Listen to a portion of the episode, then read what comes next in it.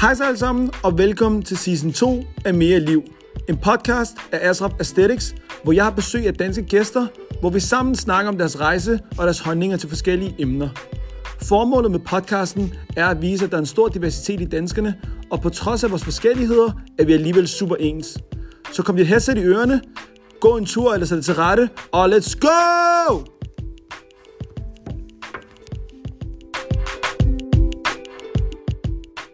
Hej alle sammen. Velkommen til øh, Ashrafs podcast. Mere liv. Som I kan høre, så er det ikke Ashraf, der snakker lige nu. Det er Ashrafs gode ven, Mahdi Majid, der snakker her. Og Ashraf har inviteret mig til hans podcast, hvor han i dag er personen, der er i den varme stol. I dag er det mig, der er verden, og jeg kommer til at spørge Ashraf om forskellige spørgsmål, og vi kommer til at øh, fortælle om, eller snakke om forskellige ting. Øhm, det kommer af, grund til, at vi kommer til at lave det her format, det kommer af, at folk har haft et ønske omkring at lære Ashraf bedre at kende. Og øh, så jeg tror, det er det, der er formålet med mm. episoden i dag. Vi skal finde ud af, hvem Ashraf er. Ja. Og måske er det starten på første spørgsmål. Ashraf, hvem er du? Hvem jeg er? Øh, jeg er 26 år gammel. Mit navn er Asraf. Øh, jeg er dansk marokkaner i den forstand, at mine forældre er fra Marokko af. Mm. Men øh, jeg er født og opvokset her. Jeg er 26 år gammel, som sagt. Jeg ved ikke, om jeg, om jeg føler mig 26, men det er jeg i hvert fald. Øh, jeg er fysioterapeut, personlig træner, kostvejleder. Men jeg er ikke defineret udelukkende baseret på de ting, så jeg er ikke bare fysioterapeuten eller bare den personlige træner. Jeg er en ven, en god ven til dig. Mm. Jeg er en bror, mm. jeg er en søn, jeg, jeg er mange ting, eller podcast. Så jeg kan ikke lide at være defineret til en specifik rolle. Jeg kan godt lide at bare være mig. Og jeg synes også, det er svært at konkretisere en person til bare at være et erhverv. Mm. Det vil jeg i hvert fald helst ikke være ham fysen. Okay, men hvordan vil du så kendes? Hvis, hvordan, Ja. Hvad vil du have, folk skal tænke, når de siger, når man hører Ashraf? Jeg tror, når, hvis man hører aesthetics, så vil jeg gerne have, at folk tænker fysioterapi, personlig træning. Det vil jeg gerne have, at det første, folk tænker på. Men når folk tænker Asaf, så vil jeg gerne bare have, at folk tænker, han er en sød og cool fyr, og han gør sine ting. Og... Sød og cool fyr, er det sådan, du vil øh, beskrive dig selv? Øh, jeg ved ikke, om jeg vil beskrive mig selv sådan, Så prøv at beskrive dig selv. Hvis du skulle beskrive dig selv med tre ord. hvis jeg beskriver mig selv selv herovre. Øh, Det er svært at være på et varmestol. Ja. Alt er omvendt, ikke? ja. øh, energisk, Energisk. empatisk og kompliceret. Okay. Prøv at sige lidt mere om kompliceret. Jeg forstår godt den energiske del og den empiriske, ja. men hvorfor er det kompliceret? Jeg tror, jeg er kompliceret, fordi jeg, jeg tror, jeg er rigtig svær at forstå. Og jeg tror, jeg har en masse bagage internt, som jeg tror ikke så mange folk kender til. Og jeg, jeg har heller ikke behov for, at folk skal kende til det. Men øh, jeg, jeg tror, jeg er svær at både at arbejde med og forstå og sådan nogle ting. Okay. Inden vi starter podcast, der giver du mig lov til at øh, stille dig lige, hvad jeg har lyst Ja, til. ja. Okay? Ja. Og vi sagde, at der ikke er nogen, øh, hvad skal man sige, Barriere. eller barriere eller forhindringer Ja. i at lære dig at kende. Yes. Så prøv at åbne op i forhold til, du sagde noget med indre bagage. Hvad, hvad, hvad mener du, når du siger det? Øh, men jeg tror, det er svært at definere sådan specifikt, hvad det er. Jeg tror, jeg er en person, hvor jeg, jeg har mange forventninger, både til mig selv, og de kan godt gå ud til andre også. Prøver på at selvfølgelig ikke have forventninger til andre folk. Øh, jeg tror, jeg er svær at, øh, at tilfredsstille. Både sådan for mig selv, måske også for andre mm. eksternt. Og så har jeg oplevet en masse ting, som gør, at, øh, at jeg har nogle følelser i mig, som øh, måske nok er lidt indlukket og ikke bliver dyrket så meget. Og, og andre følelser, hvor at, øh, jeg mærker den mere end andre ting. Okay. Har du lyst til at konkretisere det, eller? Jamen, det kan vi, altså, det kan vi jo godt. Øh, hvis vi for eksempel skulle tage mit forhold til mine venner. Mm. Jeg tror, at 9 ud af 10 tilfælde, der har jeg et dybere forhold til mine venner, end de har til mig. Okay. Og det skyldes specifikt, at jeg mistede to personer i mit liv. Tilbage i 2016, kan du godt huske. Mm. Øh, og plejer til at sige, at der er en Asraf før det, og en Asraf efter det. Og det gjorde bare, at da jeg mistede de to personer, som betød alt for mig dengang, så ændrede det mit verdensbillede. Det gjorde for det første, at jeg skulle være mere voksen. Ikke at jeg føler, at jeg er voksen, men i hvert fald mere voksen. Mm. Og det gjorde også, at jeg lærte at vurdere menneskerelationer meget mere. Og tage dem for, hvad de er. Du kender mig for eksempel, jeg kan finde på at skrive til dig om 10 dage, men hvad så kører det, går det godt, hvordan har din familie? Jeg er sådan en, der tjekker rigtig meget op på mine venner. Mm. Det kommer nok også af det. Og det skabte også nogle ting i mig, som folk nok ikke kan relatere til. Prøv at sige det sidste igen, hvad sagde Folk ikke kan relatere til. jeg kan ikke altid føle mig forstået. Okay, prøv at sige lidt mere om det. Ja, og det er, at øh, hvis man ikke har prøvet at miste nogen, der Ja. betyder så meget for en, Ja. så tror jeg ikke, folk kan forstå, hvad den er. Lige meget hvad. Øhm, og det betyder også, at når man elsker personer. Så tror jeg, uanset hvad, kan de ikke elske lige så meget, som jeg kan. Selvfølgelig kan de det. Men i den forstand, at jeg tror, jeg elsker mine venner mere, end de elsker mig. Fordi at du har lært at værdsætte folk, fordi Ja. du har forstået, at Ja, værdien af, menneske, af menneskeliv. og man kan miste det når som helst, Ja, lige derfor præcis. skal man værdsætte. Lige præcis. Ja. Øhm, og det tror jeg, for folk kan være lidt uforstående. Øh, men sådan er det. At For mig, det, det føler jeg i hvert fald. Mm. At øh, jeg tror, jeg værdsætter mine venner mere, Mm. eller jeg har i hvert fald en kærlighed til dem, som er dybere, fordi jeg har oplevet det, som jeg har oplevet. Hvordan har du det med, med hele den her modgang i dag? Nu er det været fem år siden efterhånden, snart fem år siden. Ja, ja, det er det. Øh, altså, det spiller stadig en faktor nu. Ja. Jeg kan stadig gå rundt og, og tænke over det, og ja, det betyder bare noget. Var det livets laveste punkt? Ja, det var det. 200 procent. Ja. Det er nok den værste dag i hele mit liv. Og jeg tror, at hvis jeg ikke havde haft min religion på det punkt, så tror jeg også, at jeg kunne have udviklet mig på mange måder. Øh, nok i en negativ retning. Og også, at jeg havde nogle venner, som gjorde alt. Øh, de venner, der var der i den periode, det er nok de mennesker i min verden, Mm. som betyder mest for mig. De mennesker, der var der for Ja. dig i den periode. Slap alt for hjælp, ikke? Mm. Så det, det betyder rigtig, rigtig meget for mig. Så det er, det er noget af det, som man, øh, man skal tænke over. Og jeg vil også sige det til de folk, som, som lytter, de skal huske at værdsætte de folk, der er i deres liv. Og så er der alle mulige andre ting med mig også. Altså, Du, du sagde, du bliver, du, der er en Ashraf før Ja. 2016. før 2000, ja, der- 2016, det, det, det, det skete i hvert fald.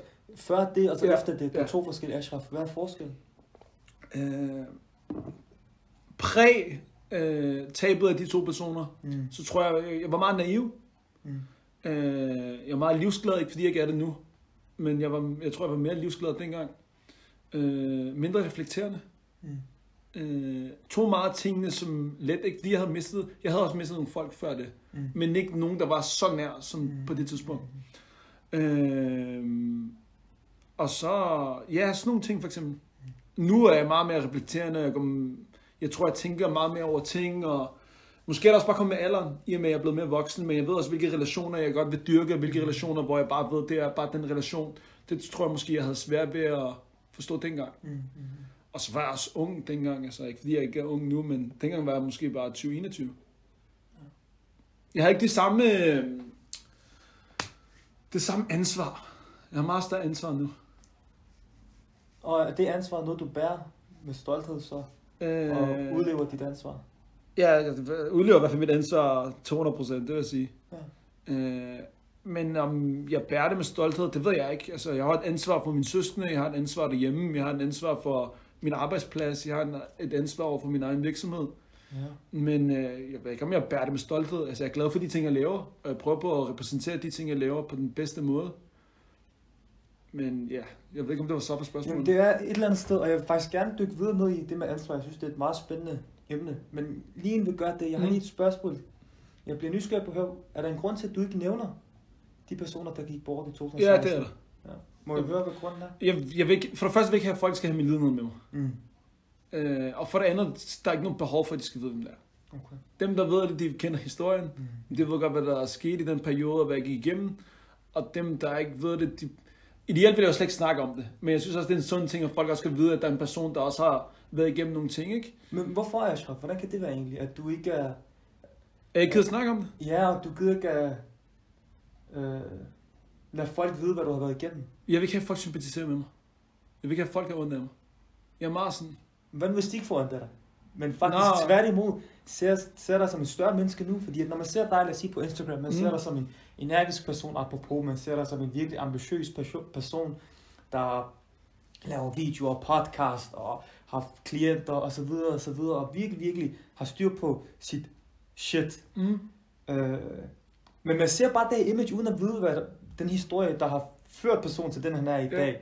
Ikke? Og jeg tror, hvis folk finder ud af, hvem du er, og hvad der har gjort til den, du er i dag, det vil, tror jeg, alt andet lige betyde, at folk vil se dig som et større menneske, Mm. eller som et mere sejt menneske, der har været igennem, du der har mudder under fingrene og, eller tårneglene. Det har du 100% ret i.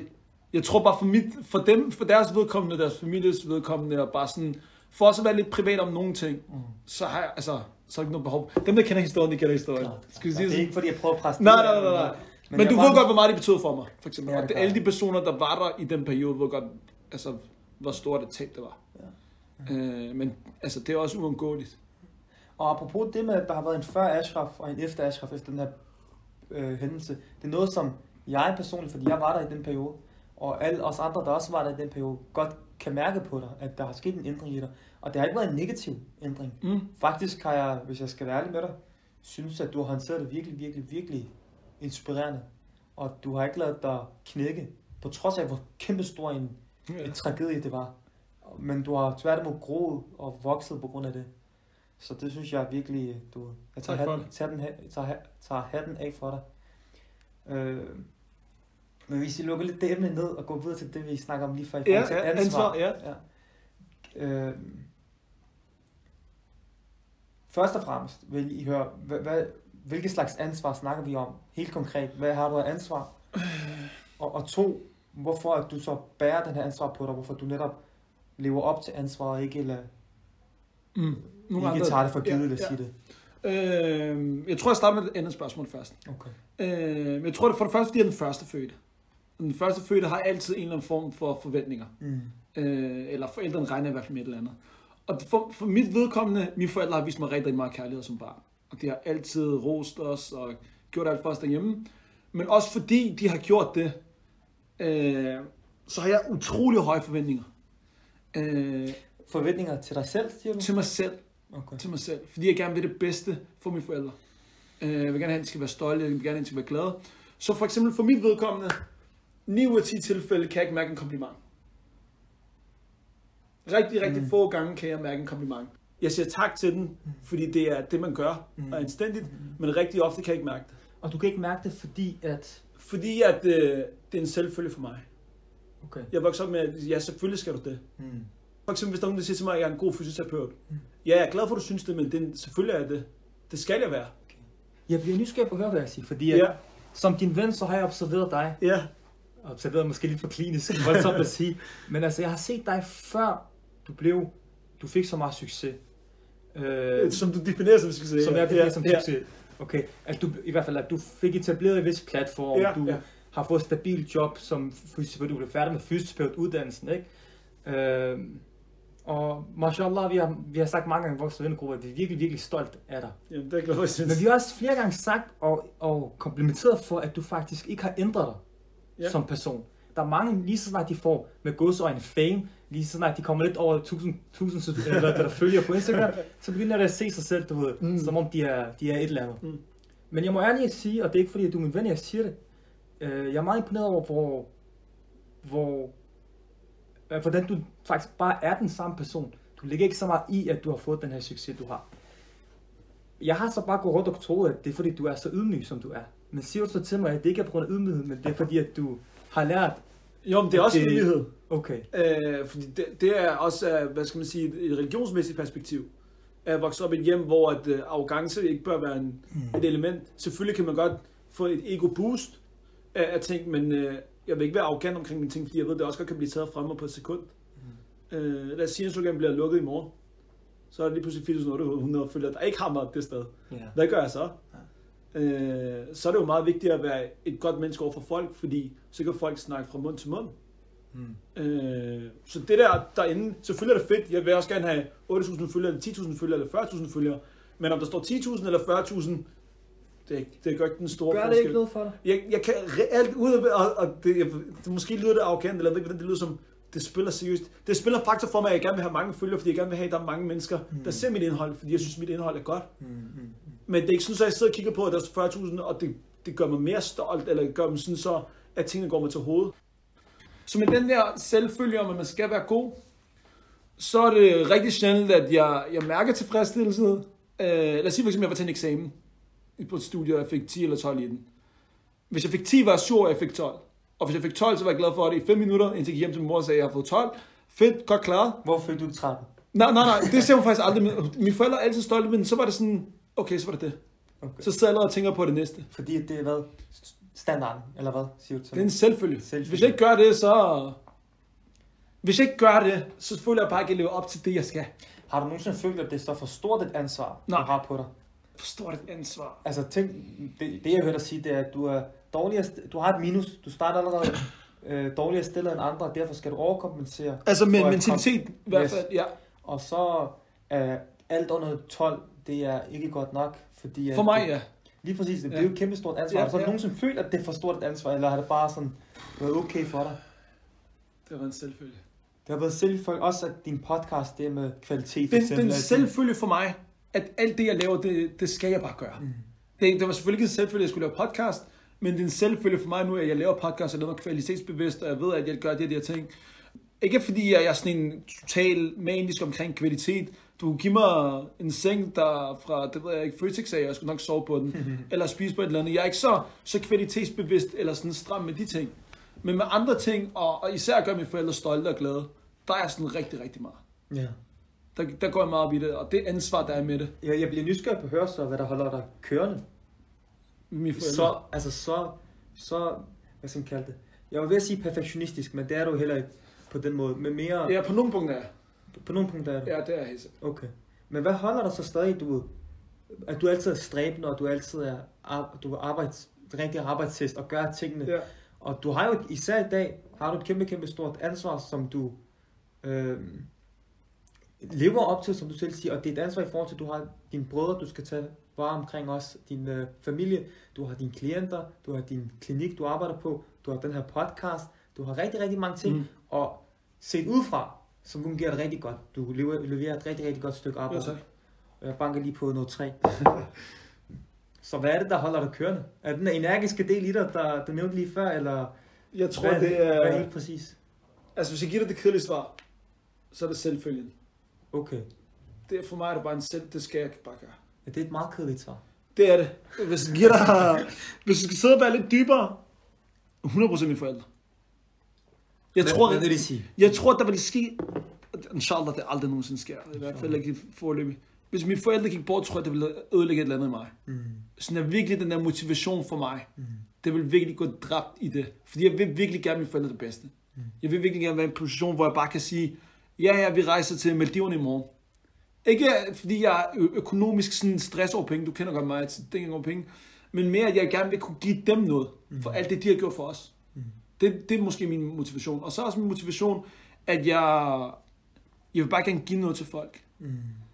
En eller anden måde, altså jeg har sådan en muslimsk mentalitet, det ved du godt, at lige meget hvad, hvis jeg gør noget, og jeg gør det for Guds skyld, så vinder jeg uanset hvad. Mm. Om jeg laver et opslag, og der er 10 mennesker, der, der får gavn af det, så får jeg gavn af det islamisk set, Mm. og så får jeg et plus på den måde. Så for mig handler det også om hele tiden at, at, at være ops på min, øh, mit, øh, mit religiøse fokus også, Ja. og ansvar. At være en, en god medborger, tjekke op på mine, mine, mine naboer, altså mine, mine kære og, og alle mulige andre mennesker. Øh, prøv at være anstændig, prøv at snakke pænt til andre mennesker. Jeg prøver i hvert fald rigtig meget at undgå at, at snakke grimt. Det har mine forældre i hvert fald så for, siden jeg var lille. Og alt sådan noget der. Jeg kan godt lide at være, ikke for andres skyld, en god dreng, men fordi det at være en god dreng for mig, er både plus religionsmæssigt, plus i et nærvær, og det får mig til at føle mig godt tilpas. Ja, okay. Smukt. Jeg, jeg vil bare have lidt en kommentar faktisk, fordi at jeg, jeg har en, en, en, øh, en formodning, ej måske er det mere en, øh, jeg ved ikke hvad jeg skal kalde det, men jeg, jeg, jeg tror, at der er nogle mennesker derude, der lytter til det, der vil tænke, måden du præsenterer dine forældre på, måden du præsenterer det, du, det ansvar du har, og måden du lever op til det på, at de vil se dine forældre som strikse, eller måske som hele tiden utilfredse med dig. Ja. Men nu kender jeg dine forældre, og jeg ved, det er jo det stik modsatte. Ja. Så jeg vil gerne lige give dig muligheden for at Ja. lige fortælle, hvor gode dine forældre har været, og hvor Min- ikke strikse de er. Ja. Mine forældre er de, øh, for mig de bedste forældre nogensinde. I ramadanen, der var her for lidt over en måned siden, der sagde jeg til mine forældre, vi er utrolig privilegerede, vi voksede op i det her hjem. Jeg voksede op i et hjem, hvor at mine forældre, øh, jeg voksede op med muslimske værdier, men ikke forserede muslimske værdier. Mm. Det vil sige, at mine forældre har lært mig at bede, men min far har aldrig taget mig fra øret og sagt, nu skal du op og bede. Mm. Men han har sagt, nu går bønnen ind, lad os gå op og bede. Så det har været mere sådan øh, støttende, end der har været noget andet. Og da jeg gik til arabisk skole, efter et år, så sagde jeg til mine forældre, jeg gider det ikke mere. Mm. Når man færdig, så, så bliver du bare undervist derhjemme. Cool. Øh, Og mine forældre i, øh, i forhold til, øh, altså mine forældre har været til alle forældresamtaler. Mm. Forældremøder. Min mor har altid sørget for at være der til alle møder og sørge for, okay, hvad kan han gøre bedre, og hvad kan, når hvad er I glad for, bum, bum, bum. Øhm, og min, de har vist sig så meget kærlighed. Mine forældre har vist mig så meget kærlighed, også nu. Vi, jeg bor i et hjem, hvor min far kommer og krammer mig og giver mig et kys. Min mor, det er typisk måske at se det i et, i et indvandrerhjem. Mm. At, at, forældre, at faren også måske viser mere sådan fysisk kærlighed eller sproglig kærlighed. Og det har de gjort rigtig, rigtig meget. Og det er også fordi, for mig er det også nemt at sige til mine søskende eller mine, mine forældre, at jeg elsker dem. Det kommer meget naturligt, fordi det gør jeg. Jeg elsker dem rigtig meget. Ja. Hvordan, øh, hvordan erkender du, hvor stor en velsignelse det, det her er for dig? Og hvor god de har været for dig, når det er det eneste, du har oplevet? Mm. Hvis du forstår mit spørgsmål. Jeg forstår det 100%. Når du har prøvet det modsatte, når Ja. du har prøvet ikke at få kærlighed, for Ja. eksempel, og så får du det, så mærker du kærlighed. Mm. Men når du altid har haft det, så er det apropos en Ja. selvfølge. Men hvordan kan du få dig selv til virkelig at være taknemmelig omkring din forældres indsats og kærlighed mod dig? Den første, det var, da jeg var lille. Jeg var en rigtig mors, og is- is- især mors dreng, men også far. Jeg ville hellere være med som mine forældre, end jeg ville gå ned i gården og lege. Mm. Fordi jeg elsker dem så meget. Og så fordi jeg kan, baseret på de værdier og det værdisæt, jeg har, når jeg ser andre i min aldersgruppe eller nogle af mine venner, så kan jeg være rigtig taknemmelig for måden, de har opdraget mig på. Okay. Så det er måden, jeg kan sammenligne på. Jeg har for eksempel, øh, igen hvis vi skal køre lidt på de der muslimske værdier, jeg har aldrig været i byen. Mm. Jeg har aldrig drukket alkohol. Jeg har aldrig røget. Og for mig er det ting, som er skadelige og ikke sunde, og det har jeg aldrig været drevet til. Og det har aldrig været sådan, som mine forældre, der har selvfølgelig været tider, hvor de har sagt til mig, nu skal du komme hjem, vi skulle nok været sent. Men jeg har haft muligheden en million gange for at tage det over, eller gøre det, eller vente det. Det tiltaler man bare ikke. Og opdragelsesmæssigt er jeg rigtig glad for det, også hvis man ser det fra et sundhedsfagligt perspektiv. Mm. Nyeste studie viser, at lige meget hvilken mængde alkohol det indtager, så er det skadeligt. Rygning, alt sådan nogle der, at der er 0 form, 0% form attraktion for det. Og hvis vi også bare skal fjerne sådan muslimske værdier, så bare sådan standardværdier. Mine forældre har lært mig at snakke godt til mennesker. Mm. Jeg har ikke grimme ord i min mund. Jeg banner ikke. Nu så snakker højt om mig selv. Det håber jeg ikke, det lyder som. Nej, jeg hørte det, som om du snakker rigtig højt om dine Ja, forældre. ja, ja, fordi det er deres opdragelse, der har været skyld i de, alle de positive ting, de så i mig. Det er fra dem af og fra min religion. Og det, det har jeg også en fornemmelse af, at du erkender, at nu siger du, at du ikke snakker pænt, men du erkender, undskyld, at du ikke snakker dårligt. Og du erkender, at det ikke er noget, der kommer fra dig selv. men Nej, det gør det ikke. En opdragelse, din forældre. 100 procent. Ja. Hvor kom jeg fra? Og det er bare det, at, at snakke med andre mennesker, sørge for, at alle inde i et rum har det godt, øh, hilse på alle mennesker. Sådan nogle ting, altså de har bare lært mig alt. Mm. Og det værdisæt, det går jeg rigtig, rigtig meget op i, fordi når jeg bare kan se andre er uanstændige, eller hvem den er, så kan jeg godt virkelig tænke, hvor jeg er glad for, at mine forældre har opdraget på den måde, som det har gjort. Jeg, vil, jeg, kom, jeg vil bare lige kaste en, en bøn ud og sige, at jeg beder for, at dine forældre lever et langt og lykkeligt liv. Det håber jeg også. Og med godt helbred. Og øh, inshallah, de altid er stolte over deres sønner. Det håber jeg. Bare et meget sjovt spørgsmål. Ja, Eller Jeg ved ikke, hvor sjovt det er, men det er i hvert fald et interessant spørgsmål. Hvis du så skulle beskrive din barndom med et ord, som omfanger, omfatter hele din barndom. Jeg ved godt, det er lidt svært, ja. men prøv. Et Et, ord. et smil. Et smil. Ja. Det var to ord. Så glæde. Det var en joke. Ja, jeg forstår det godt. Glæde. Glæde. Jeg har ikke negative øh, sådan, øh, relationer til min barndom. Selvfølgelig er der momenter, hvor man kan tænke, ah, det var ærgerligt, det skete noget andet. Men når jeg tænker på min barndom, og det er også det, der ligger i med, da jeg sagde, at jeg ikke føler mig 26. Mm. Der ligger nok også noget Peter Pan-syndrom i det, Mm. som vi har snakket om, som er sådan et syndrom, hvor man, man gider ikke at blive voksen. Eller i hvert fald, øh, der er nogle træk i det, som 100% er i mig. Fordi jeg havde en sindssyg barndom.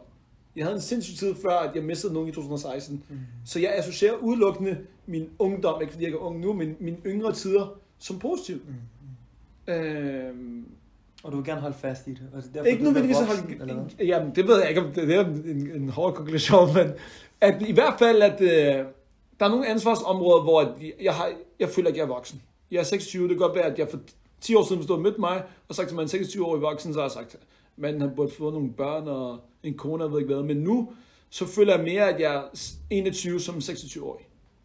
Jeg kan tillade mig mange mere, flere ting. Jeg har min økonomiske frihed. Øh, jeg har selvfølgelig nogle ansvarsområder, men primært kan jeg gøre lige, hvad jeg vil nu. Mm. uden at tænke over, at det har nogle konsekvenser. Og det er det, der ligger i, når du siger, at du har Peter Pan-syndrom? Øh, Eller hvad, hvad, hvad, det, der ligger i, når jeg siger Peter Pan-syndrom, for det første, hvis jeg godt kunne være ung igen, ville jeg gøre med det samme. Hvis jeg kunne hoppe ind i en tidsmaskine, der sagde, ved du hvad, du kan starte fra du er 6 år, i, så har jeg sagt ja. Mhm. Så ligger der også det i, at jeg har ikke et behov for at være voksen lige nu. Mm. Det ansvar, der kommer med at være voksen. Så kan man sige, hvornår er man voksen? For mig er man voksen, når man for eksempel har sit eget hjem.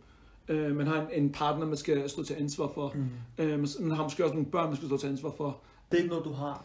Det er ikke noget, jeg har lige nu, og det er heller ikke noget, jeg har lige nu et behov for. Fordi jeg for eksempel arbejder 60 timer hver uge. Jeg vil ikke kunne se en, en eller anden... Altså, jeg, kan ikke engang, jeg har ingen tid til mine for, kære forældre og mine venner. Så det vil være svært. Hvordan er det for dig at se andre 26-årige for eksempel netop have deres eget hjem, partner? Totalt ligeglad.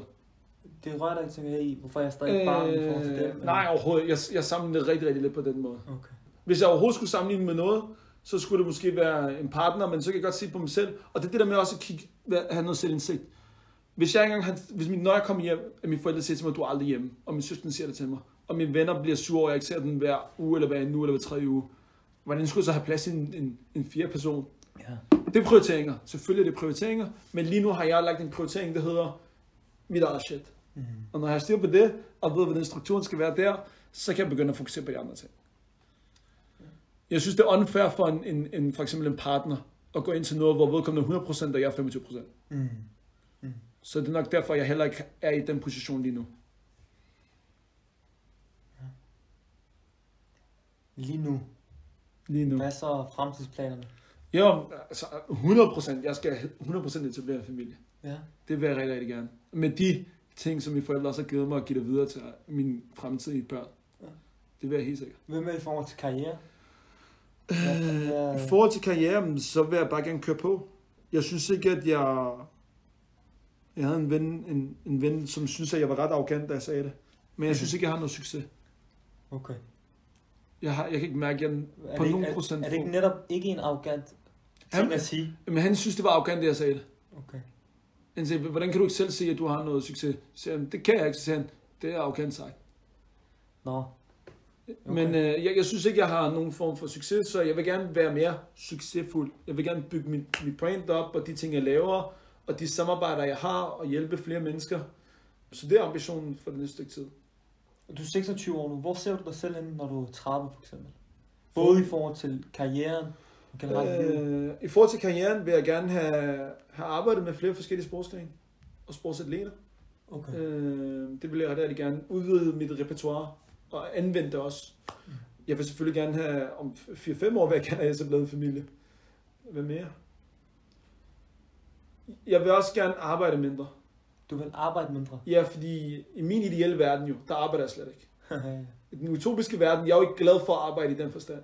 Jeg gør det, fordi det er en selvfølge, men hvis jeg bare kunne være på sommerferie 24-7, så er jeg på sommerferie 24-7.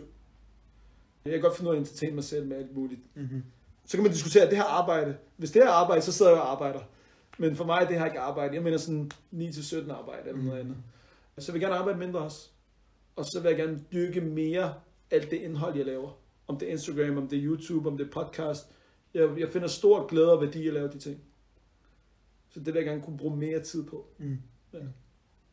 Mm, Okay.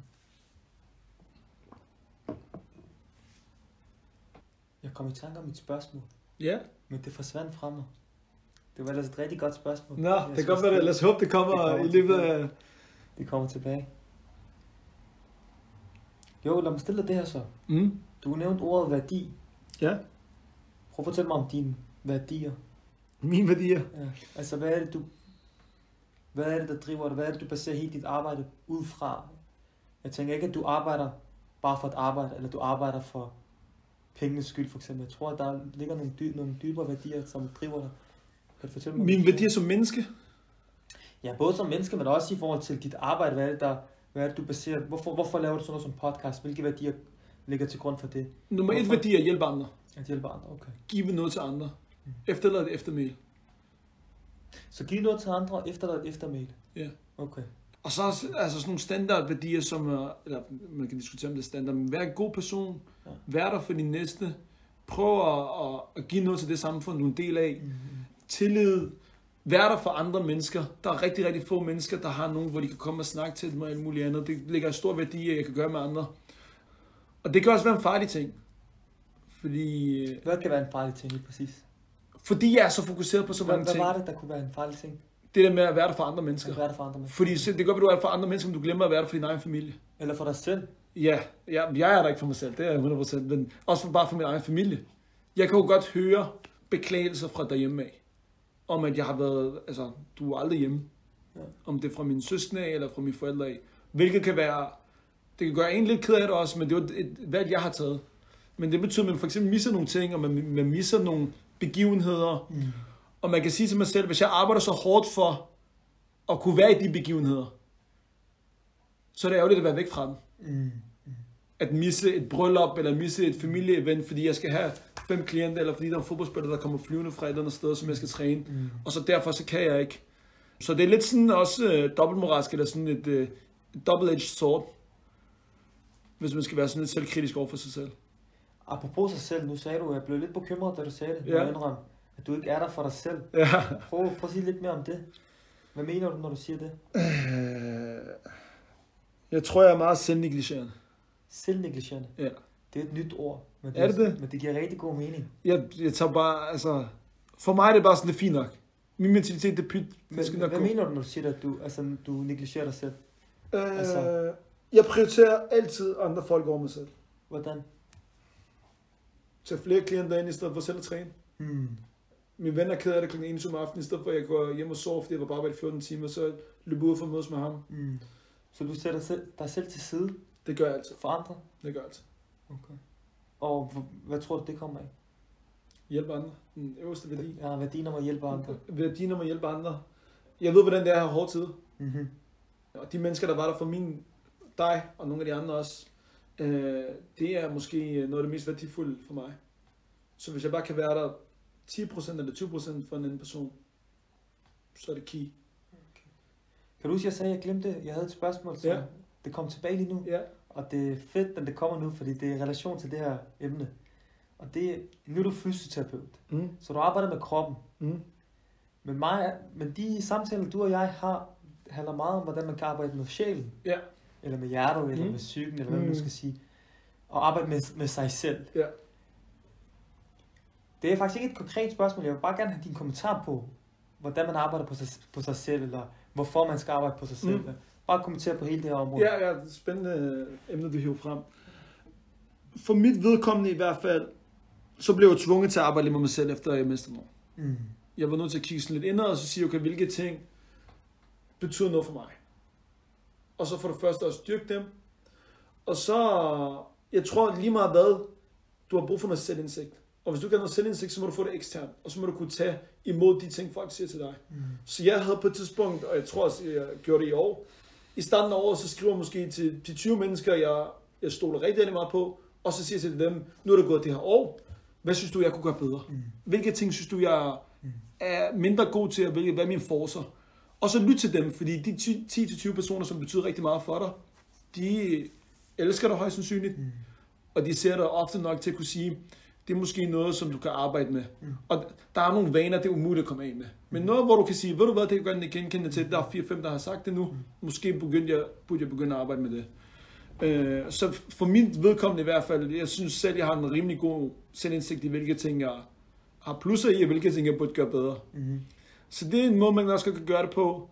Og så tror jeg også, at øh, for nogen vil det være sundt at skrive dagbog. Det fungerer ikke for mig. Jeg har prøvet to gange nu.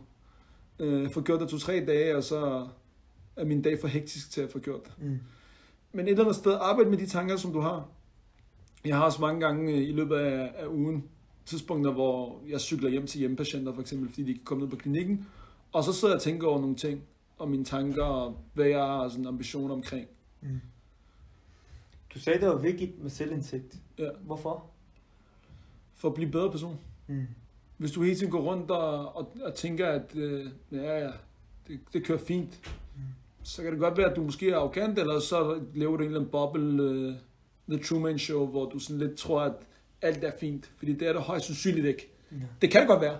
For mit vedkommende, så tror jeg bare, at når du har selvindsigt, så ved du også godt, hvad dine forser er, og hvilke ting, du kan gøre bedre. Og hvis du har en bestræbning om at blive et bedre menneske, Mm.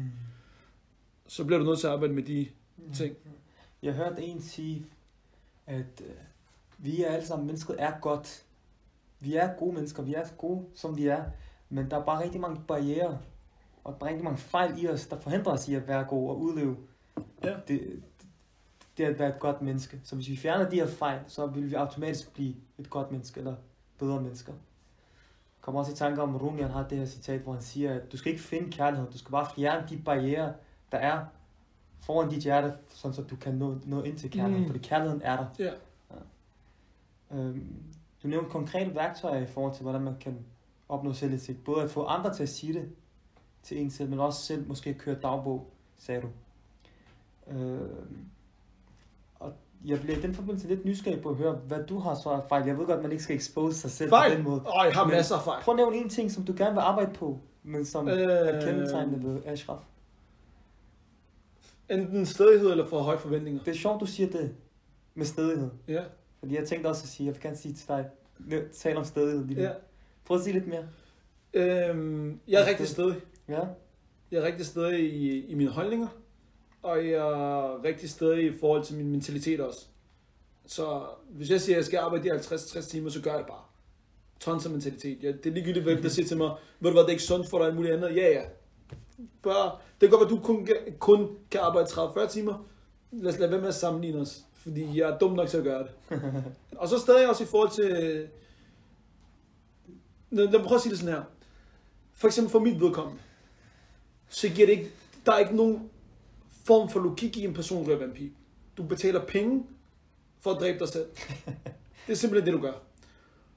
Og når jeg formulerer det til mine venner, og de stadig gør det, så kan det være frustrerende for mig.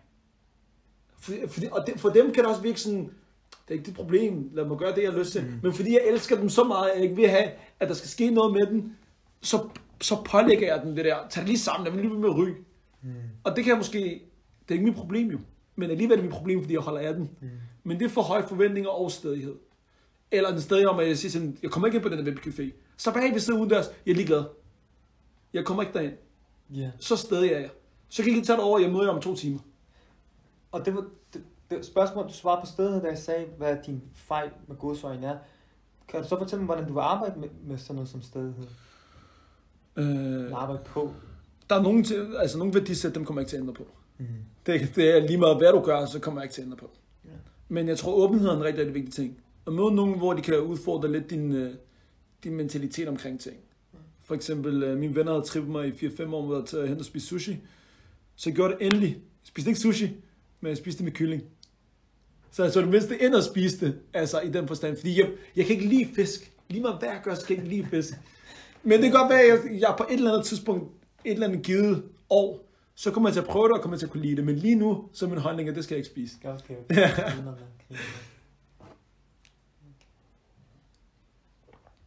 Er der en ting i dit liv, du fortryder? Hvis der er en ting, du fortryder, hvad er det? Jeg har ikke brugt mere tid med de personer, jeg har mistet. Mm. Ja, okay. Ja. Ja. Er der en person, du gerne vil takke? Eller, der er, hvis, hvis der er en person, du gerne vil takke, hvem skulle den person så være? Jeg tror, jeg takker dem ofte, mine forældre. Dine forældre? Ja. Det, det er to personer. Ja. Du kan ikke vælge en, af? Altså, islamisk siger min mor jo. så måske kan jeg bruge den som argument, hvis min far Ja. nogensinde skulle høre det. Prøv at forestille hvis de lytter med på. Ja. Men øh, dem, helt sikkert. Ja. Hvem er... Okay, det bliver måske lidt for personligt. En person, du gerne vil sige undskyld til.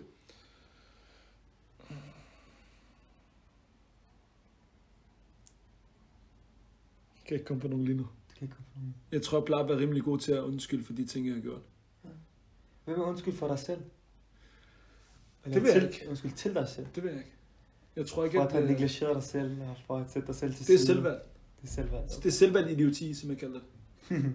Jeg kan jo ikke være sur på mig selv over, at jeg arbejder 14 timer på en dag. Det er noget, jeg har valgt. Ja. Jeg kunne bare sige nej. Men der er det der med at hjælpe andre mennesker. at, kan du ikke lige sætte mig ind den tid? Ah, okay, kom nok så. Ja, okay. Hvis, øh, når du, nu når du hjælper mennesker så meget, hvem hjælper dig så? Det er et godt spørgsmål. Når du selv har brug for hjælp, eller når du selv får ondt i kroppen, eller når du få ondt i hjertet, eller... Jeg er rigtig dårlig til at tage fat i andre folk. Jeg kan godt gøre det. Jeg har gjort det med dig. Jeg har et par få andre, jeg gør det med. Men rigtig ofte, når jeg har det rigtig dårligt, så jeg kan godt lige sige til en eller anden, og jeg er sådan... Jeg er blevet bedre til også at, at sige i hvert fald, når jeg ikke har det så godt. Men øh, efter noget tid, så lægger jeg det bare fra mig. Mm. Jeg tror, mit... Øh, jeg er ikke så god til at snakke om, hvordan jeg har det. Og jeg vil heller ikke pålægge dig andre. Og det er det der med, at jeg ikke vil have, at andre skal sympatisere med mig eller have medlidenhed. Fordi, hvorfor skal jeg lægge mit på dem? De har nok at se til. Hvorfor skal jeg også se til min problematik? Mm. Uh, så tror jeg, at det, sådan, igen, hvis vi skulle hoppe til det religionsmæssige, så gør det bare til min Gud.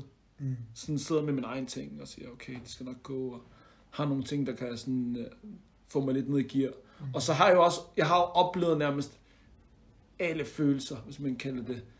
Og hvis man kan, ja, det er svært at sige sådan, men tingene skal nok gå på et eller andet tidspunkt. Det kan godt være, du ikke får det godt i dag, det kan godt være, du ikke får det godt om en uge, men på et eller andet tidspunkt, så skal du nok få det godt igen. Mm.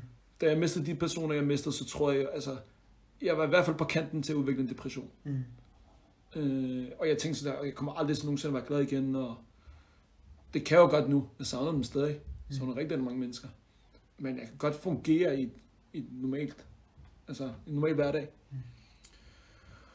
Øh, så min, min, øh, min vurdering af mine fornemmelser, når jeg mærker noget, sådan er nede, at det skal nok blive godt på en eller anden tidspunkt.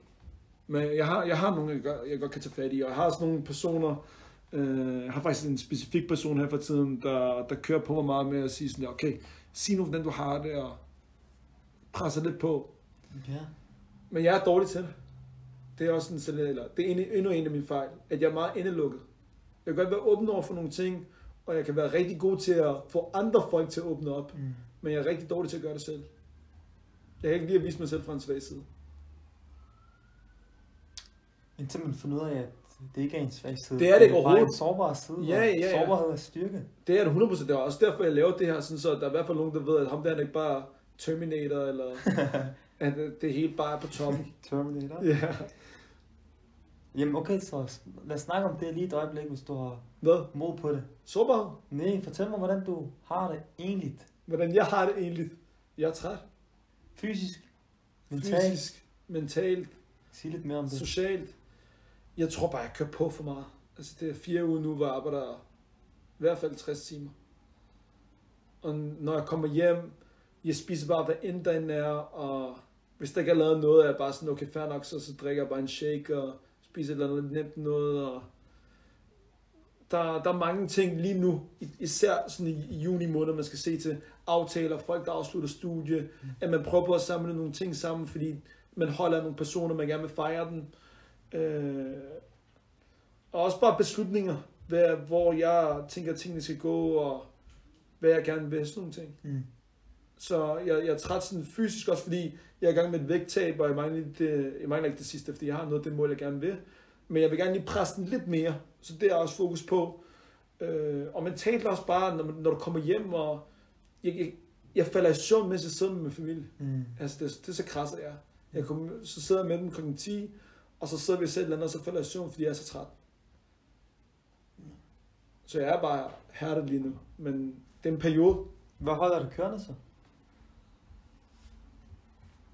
Fordi du, har, du er hærdet, men du har stadig dine klienter, du går stadig til, du arbejder stadig på klinikken, du kører stadig de her podcast. Der kommer- holder mig kørende er mentaliteten om at hjælpe andre. Så andre holder du kørende, N- nummer et ting, det er nok at hjælpe andre. de hjælper andre. Ja. Den ligger så meget inde i mig, at ja. Ja, Det kan godt være, det lyder tosset, folk tænker, ja, ja tværtimod, jeg synes, det lyder meget smukt. Det lyder som om, at du lider for andres skyld, men for at hjælpe andre. Men nogle gange, så hvis man gerne vil hjælpe andre, og men faktisk det er ikke nogle gange, altid. Hvis man gerne vil hjælpe andre, så kan man starte med at hjælpe sig selv. 100 procent. For du kan kun hjælpe andre, hvis du har hjulpet dig selv. Ja. Men jeg, jeg føler ikke, jeg har brug for hjælp. Ja. Men det er også farligt. Det kan godt være, at det er arrogant set. At jeg føler, at jeg ikke har brug for andres hjælp. Jeg skal nok klare det selv. Hvordan kan du se, det er arrogant, det er arrogant i det? Du vil have ekstern hjælp. Det kan godt være, at der er Hvor, hvor nogen... kommer arrogancen ind så? at du føler, at du kan klare det helt selv. Mm. Jeg skal nok hjælpe dig med det der computerarbejde efter. Nej, nej, nej, det skal gøres på min måde. Mm. Jeg har ikke brug for hjælp. Ja, yeah. og det er, alt det, jeg laver nu, er jo bare solo. Og det kan godt være, at der er en eller anden, der kunne gøre det bedre end mig. Men fordi jeg, jeg vil så gerne være i min egen ting og gøre det på min måde, og det skal gøres det tidspunkt, jeg har lyst til, og så er det meget solo dolo. Apropos selvindsigt. Det er en fed erkendelse lige der. At det godt kan være, at min arrogance er det, der holder mig for at spørge folk om hjælp. Eller for overhovedet erkende, at jeg har brug for hjælp. Ja, yeah, altså, jeg tror, jeg, på en, jeg prøver på at dæmpe det, men der er stensikkert elementer, hvor jeg har noget, jeg ved ikke om det er arrogance, men det er en eller anden form for, at øh, det skal nok klare selv. Mm. Måske er der også det der, den der mentalitet med, at vil ikke pålægge nogen andre noget. Øh, Måske kan man også definere det som arrogance. Jeg ved ikke, hvornår det bliver arrogance, og hvornår det er, det ved jeg ikke noget andet. Ego. Ego. Ego og arrogance, de er, som de er gode venner. De går hånd Ja, det, det en gør det anden- helt sikkert. Det gør de helt sikkert. Spændende synes jeg også, faktisk. At, Hele vores diskussion lige nu. mm, Ja. Altså bare det du siger, du giver mulighed omkring, at det at jeg ikke gider at pålægge andre folk en byrde ved at spørge dem om hjælp i sig selv, at kommer af arrogance. Øh, det synes jeg er rigtig, rigtig en fed, et fedt perspektiv at have, at, at, at man har åben for den her mulighed. Men jeg vil i den anledning sige, at du selvfølgelig altid er velkommen til at trække på mig, hvis du har brug for hjælp. ja, det gør det, gør det ved du også godt, jeg gør. Jeg, det, jeg, jeg, jeg lægger faktisk rigtig, rigtig stor værdi i vores venskab. Det skal du vide. Øh, også bare med mine refleksioner, og du kan komme med det fra et andet perspektiv, og jeg lægger faktisk rigtig stor værdi i det. Det gør jeg også. Det gør jeg også. Skud ud til dig. Ja, i lige måde. Jeg vil gerne stille dig et spørgsmål. Hvis, kan Ja, vi kører på, vi kører på. Øhm, et spørgsmål, som du stiller alle dine gæster. Ja, Men nu er jeg verden her, så nu stiller jeg dig. yes. Min gæst. og det er i forhold til podcasten, der hedder Mere Liv. Og du stiller spørgsmålet til dine gæster omkring, hvad de associerer med mere liv. Så hvad associerer Assi med mere liv? Assi, Altså, det er mit kældnavn til dig. ja, det er det. Mit OG øh, sådan, øh, associ- associering, det var, der er et Drake-album, der hedder More Life. Okay. Øh, og det kom ud i en periode, hvor at, øh, jeg havde alt muligt at se til. Og jeg lyttede til det rigtig, rigtig, rigtig meget. Det er måske, måske min favorit dengang. Nu hører, jeg det, nu hører jeg ikke så meget musik mere. Det gør jeg faktisk slet ikke længere. Men øh, det kan godt virke lidt mærkeligt for nogen, men det gør jeg ikke i hvert fald. At, øh, det var min, min originale sådan, associering. Når jeg hører det, så tænker jeg på det. Ja. Men det, der giver mig mere liv, det er at se andre glade Mm. at se mine forældre glade. Mm. Øh, se dem smile. Mm. Gøre en forskel. Være der for dit samfund. Men om det er det, der giver mig mere liv. Jo, det gør det også, men jeg tror også bare, det, der giver mig mere liv, det er frihed. Måske nummer et, når jeg sidder og sådan tænker over det. At være fri. Gør det, som det passer mig. Stop den, som det passer mig. Træne, når det passer mig. Jeg kan godt lide frihed. Det er nok også derfor, at jeg, i en utopisk verden vil jeg bare gerne være på sommerferie hele tiden. Jeg kan godt lide at være en fri fyr. Ja. Øh, jeg kan godt lide at rejse. Jeg kan, og- men der er også en frihed associeret med at være rejsende. Mm-hmm. At øh, du har ikke et ansvar. Du skal ikke sidde og tænke, selvfølgelig jeg ringer til mine forældre, når jeg kommer hjem om aftenen, men der er ikke det der med at gå ud og huske lige at hente mælk. Og, altså, jeg, jeg kan bare gøre, hvad jeg vil. Når jeg vil. Spise, når jeg har lyst. Altså, der er frihed. Mm. Det er nok også derfor, jeg elsker sommerferie så meget. Og så sol. Nu er det, det er lidt blæsende hver dag, men solen giver mig rigtig, rigtig meget glæde Ja, også. det er faktisk et rigtig godt svar.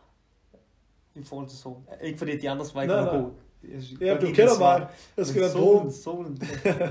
ja, du skal jo, dig, du er en kameleon, mand. Ja, Om vinteren, det- der bliver du... Drabbeløs fætter. Der, du bliver gennemsigtig, men man kan se igennem dig, så ved du bliver. Et med tapetet. og så om sommeren, så bliver Så forsvinder du i mørket, hvor brun. man kan ikke se dig. Ja, okay.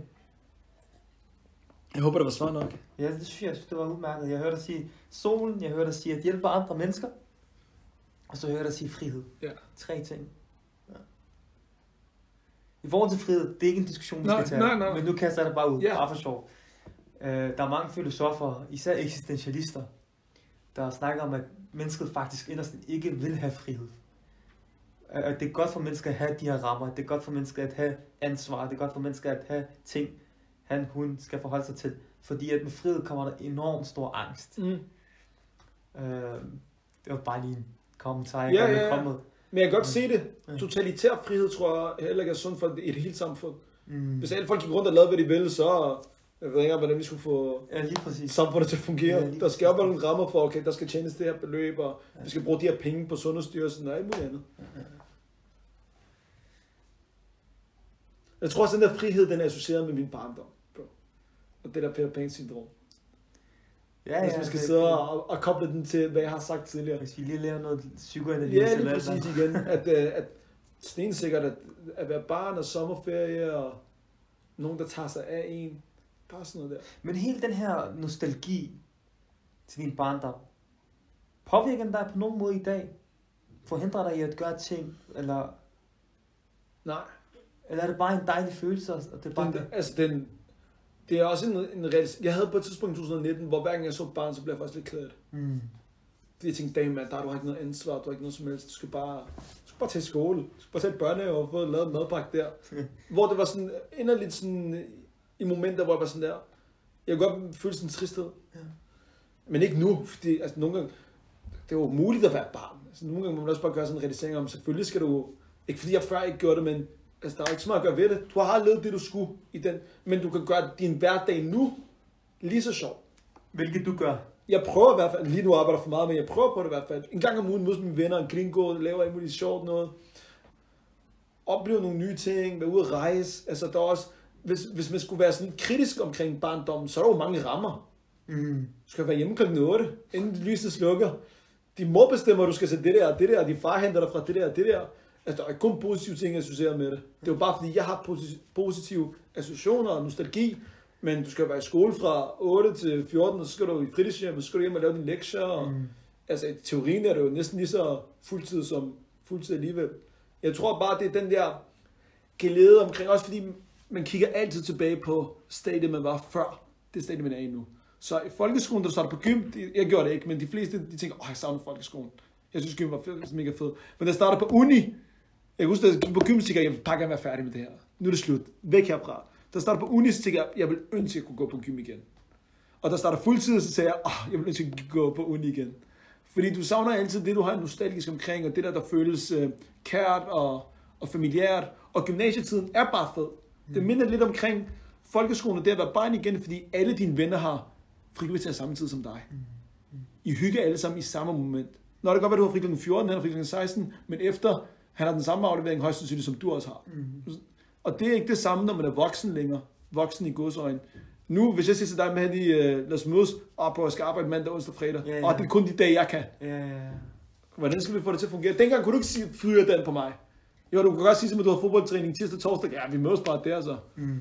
Altså, Ja, men ved du, vidste du, at Søren Kierkegaard, han har den her tanke omkring, at målet, en del af målet i hvert fald, det er at blive et barn igen. mm, Fordi børn, de er umiddelbare. Børn, de, de er bare, de er bare til. de, de er bare, de Ja. er bare sig Ja. selv. Ja. Ikke? Når man så bliver voksen, og man bliver socialiseret ind i samfundet, så har man de her rammer, man skal følge. Man har ansvar, man skal leve op til. Man skal gøre ting. Man må ikke gøre bestemte ting osv.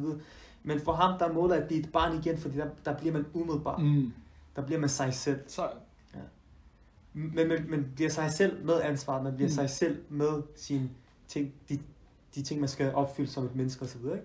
Jeg synes, det er en fascinerende tanke at have. Øh, og derfor, det, det værste, tror jeg, man gør mod sig selv, det er at blive, du ved, et ordentlig, en ordentlig stereotypisk voksen, Mm. du ved, socialiseret ind Ja. i, der bare på firkantet og bare rammer det, og bare sådan helt ned i total no livsglæde whatsoever, og ja. Så. Vi skal snart afslutte. Er der noget, du har på hængende fod, du... Hængende. Mm. Tunge, eller hvad det hedder. Hvad er det, det hedder egentlig? Hængende På hvad? Faldrebet? faldrebet. Er det det, det hedder? Ja, det er i hvert fald, hvad jeg plejer at sige. Faldrebet. Er der noget, der Om jeg har noget på faldrebet? faldrebet? Om jeg har noget på faldrebet? For det første, tak for, at du gad øh, gøre det her. Ja, selvfølgelig. Jeg synes, det var hyggeligt. Øh, jeg håber i hvert fald, du fik noget af det. Altid. Når man sidder Øh. sammen med dig. Nej. Så håber jeg i hvert fald, at, øh, at dem, der har lyttet os, har fået noget af det. Jeg håber ikke, der er nogen, der går og tænker, at ham der han er totalt arrogant. Virker det sådan? Er du arrogant? Ja. Øh, det siger jeg dig off-cam, off øh, optagelsen. Nej, du gerne det, sige det nej, her. det er for sjovt. Det, det er ikke det indtryk, jeg får. Heller ikke noget at svare på tingene. Nej. Tror du, der er nogen, der kunne det? Hmm. Om der er nogen, der vil kunne se dig som arrogant? Det er en af de ting, jeg frygter rigtig, rigtig meget. At folk Ikke, dig som nej, arrogant? ikke eksternt, fordi eksternt folk, folk, der kender mig, skal godt vide, ved godt, at jeg ikke er det. Det er jeg mest bange for. Vil faktisk ikke engang snakke om frygter. Men øh, Øh, næste episode. en, en frygt for eksempel for mig, det er at blive arrogant. Ved du hvad jeg tror, jeg siger, for at svare på det spørgsmål? Jeg tror, og det er bare noget, jeg lige siger på stående fod, at øh, folk forveksler den her, det at du stadig er med godsøjne et barn, stadig en dreng, ikke helt fuldvoksen med arrogancen. Fordi som barn, der er man som sagt virkelig fri, og man, kan, man, man er så fantasifuld, og man, kan, man føler, at man kan gøre lige, hvad man har lyst til. Og man kan blive, hvad man har lyst til, og man kan gøre hvad som helst som barn, ikke? Øhm, og det, det er den egenskab, det har du, og det er en rigtig positiv ting. Det er også derfor, du tænker, hey, jeg vil gerne lave podcast. Bum, så laver vi en podcast. Jeg vil gerne gå selvstændig, så bliver jeg selvstændig. Jeg vil gerne have klienter, jeg vil gerne lave alle mulige ting, som du sætter ikke barriere for dig selv. Du er meget fri i forhold til, hvad du gør og hvad du ikke gør. Hvilket er meget sådan, øh, et, et, et træk, som børn gør, har. Og øh, det tror jeg, at folk forveksler med arrogance. Mm. Fordi at du tænker så, jeg kan alt. Ja. Men i virkeligheden så er det ikke, fordi du tror, at du kan alt. Det er fordi, at du har den her, den her indre barn, der bare Ja, gør, hvad, gør, hvad end du har lyst til. ja. Så jeg tror, det er det, folk forveksler. Så hvis, for at svare på det spørgsmål, ja, jeg tror, at man, nogen vil kunne se dig som arrogant, men jeg tror ikke, at det er arrogancen. Jeg tror, den her indre barn ting, Ja, nysgerrighed. Giver det mening? Det giver rigtig god mening, og jeg, jeg kan også se det, fordi også når jeg møder nye mennesker, Mm. mm. om det er dine venner, eller hvem det er, du har jo set, hvor nysgerrig jeg er. Nå, Mm. hvor kommer du fra? Og hvad har du lavet? Da, da, da. Øh, og jeg tror, jeg har mødt nogen, en ven faktisk på et tidspunkt, øh, en ven, som er blevet nu, hvor han sagde, første gang han, han, han snakkede med mig, han sagde, det virker intimiderende. Sagde, hvordan kan det være en fremmed person, der er så interesseret i mig? Mm. Men det er bare fordi, jeg synes reelt, han var spændende. Nå, okay, og hvor du spillet henne, og sindssygt, og sig til, hvis du skal have brug for noget hjælp eller et eller andet. Øh, det kan godt være, at nu når du siger det, det kan godt virke intimiderende, eller en eller anden form for baghensigt. Fuldstændig, og det er især intimiderende, fordi at hvis jeg selv, i for- forlængelse af det, jeg sagde lige før, hvis jeg selv er en type, som er fuldstændig socialiseret, og er blevet, lad os sige, voksen, og er fuldstændig inden for rammerne, og jeg tænker ikke ud over det, samfundet siger, jeg skal tænke, øh, og jeg er meget sådan begrænset, og lige pludselig så møder jeg en, som er fuldstændig, du ubegrænset, og bare tænker, der ser verden i farver, Mm. og gør lige, hvad han har lyst til, og bare tager skridt, uden at, du, uden at være bange for at tage skridtene. Øh, det kan så være intimiderende for mig. Og så vil mit forsvar være, at han er arrogant, der er Ja. noget galt med ham. Ja, det er rigtig, rigtig godt sagt. Men med det sagt, så skal man selvfølgelig, og det er en påmindelse både du og, og jeg, mig selv, at arrogancen er virkelig, virkelig en farlig ting. Ja, det er det. Og man skal mere være bange for at, at finde sig, fange sig selv i arrogance, end at folk synes, man er arrogant. Mm. Arrogance er virkelig en farlig ting, og den er virkelig svær at spotte. Den er virkelig, virkelig svær at spotte i en selv. Den kan komme i virkelig subtile ting. Den kan komme, nogle gange, arrogancen kan komme i ydmyge facader. Altså, vi behøver ikke gå i dybden med det, fordi der har vi ikke tid til. Men bare for at sige, at Ja. arrogancen er ikke nødvendigvis, at man, at man siger, at jeg er bedre end dig. Det kan komme i, at du faktisk ser ydmyg. Nogle gange er det også arrogance. Så den er virkelig svær at fange. Det, ja. Ja. det er måske en episode for sig. Ja, det kan godt være. Og så øh, ellers andet på faldrebet, det er tak til alle dem, der har lyttet med. Tak til alle dem, der har fulgt med. Det betyder rigtig, rigtig meget, at, øh, at der er nogen, der, der for det første har lyttet til 55 minutter, og så andre, der bare generelt går ind og støtter det projekt, jeg har startet. Og så vil jeg slutte af med at sige, at det er den sidste episode af sæson 2. Der kommer en sæson 3, hvor øh, konceptet er lidt ligesom det her, meget mere psykologisk. Og jeg også kunne mærke det på de forhenværende episoder. Og så er der ikke sat nogen dato for, hvornår den kommer ud, men når der kommer ud, så lover jeg for, at det bliver hjernedødt. Tak for at lytte med.